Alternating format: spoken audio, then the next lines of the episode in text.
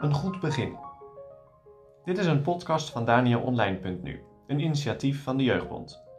Luister iedere werkdag naar deze podcast en ontdek de boodschap van de psalmen voor jou. Vandaag met Martine van Hartingsveld, eindredacteur van het blad Daniel.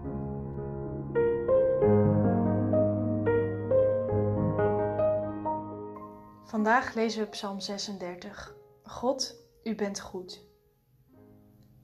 Een psalm van David, de knecht van de Heere voor de opperzangmeester.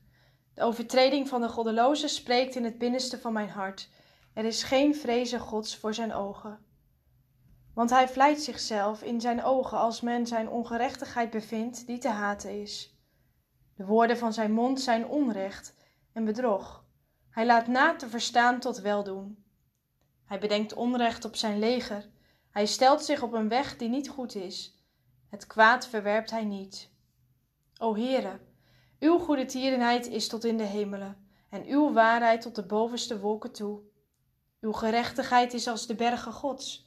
Uw oordelen zijn een afgrond. Heere, gij behoudt mensen en beesten. Hoe dierbaar is uw goede tierenheid, o God, die de mensenkinderen onder de schaduw van uw vleugelen toevlucht nemen. Zij worden dronken van de vettigheid van uw huis, en gij drinkt hen uit de beek van uw wellusten. Want bij u is de fontein van het leven. In uw licht zien wij het licht. Strek uw goede tierenheid uit over degenen die u kennen, en uw gerechtigheid over de oprechten van hart. De voet van de hoogvaardige komen niet over mij, en de hand van de goddeloze doet mij niet omzwerven. Aldaar zijn de werkers van de ongerechtigheid gevallen. Zij zijn nedergestoten en kunnen niet weder opstaan.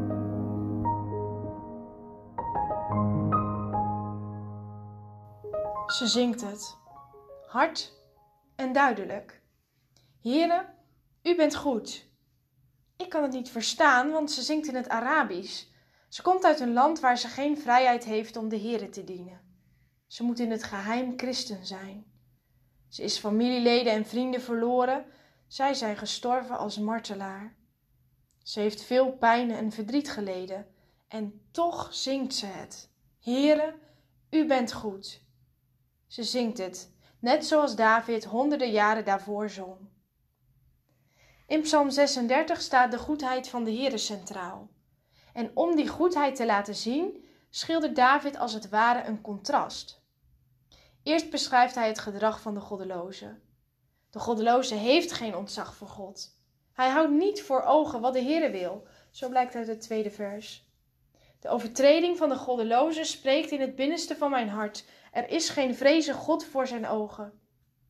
Dit vers wordt door Paulus geciteerd in Romeinen 3, vers 18. Paulus laat daar zien dat mensen zich niet laten leiden door eerbied en ontzag voor God. Het gaat hier niet meer over woorden van David. Nee, dit vers gaat over jou en mij. Bij ons is het niet te vinden. Bij ons is geen godsvrezen. Wij doen zoveel zonde. In ons is geen goedheid, omdat wij zondaar zijn. En juist dat zou ons moeten aansporen om tot de Here te gaan. Want de Heilige Geest wil je leren wie de Here voor zondaren wil zijn. En als Hij je dat geleerd heeft, net zoals David, kun je je met David verwonderen in de volgende zes versen. Want in die volgende zes versen wordt Gods onbeschrijfelijke goedheid voor zulke mensen beschreven.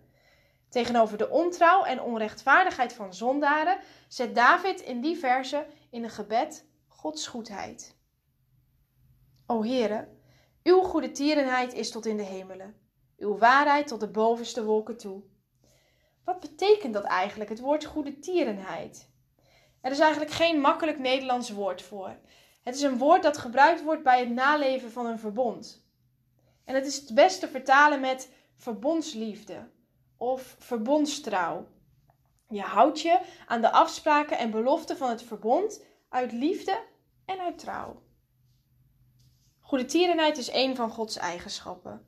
God laat zijn goede tierenheid in de Bijbel zien in woorden, in daden, in vergeving van zonde, in leiding en bescherming, bijvoorbeeld aan het volk van Israël in de woestijnreis.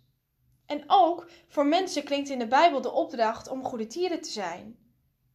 Het is een vrucht van de Heilige Geest, zoals we kunnen lezen in Galaten 5, vers 22. God is een fontein van leven.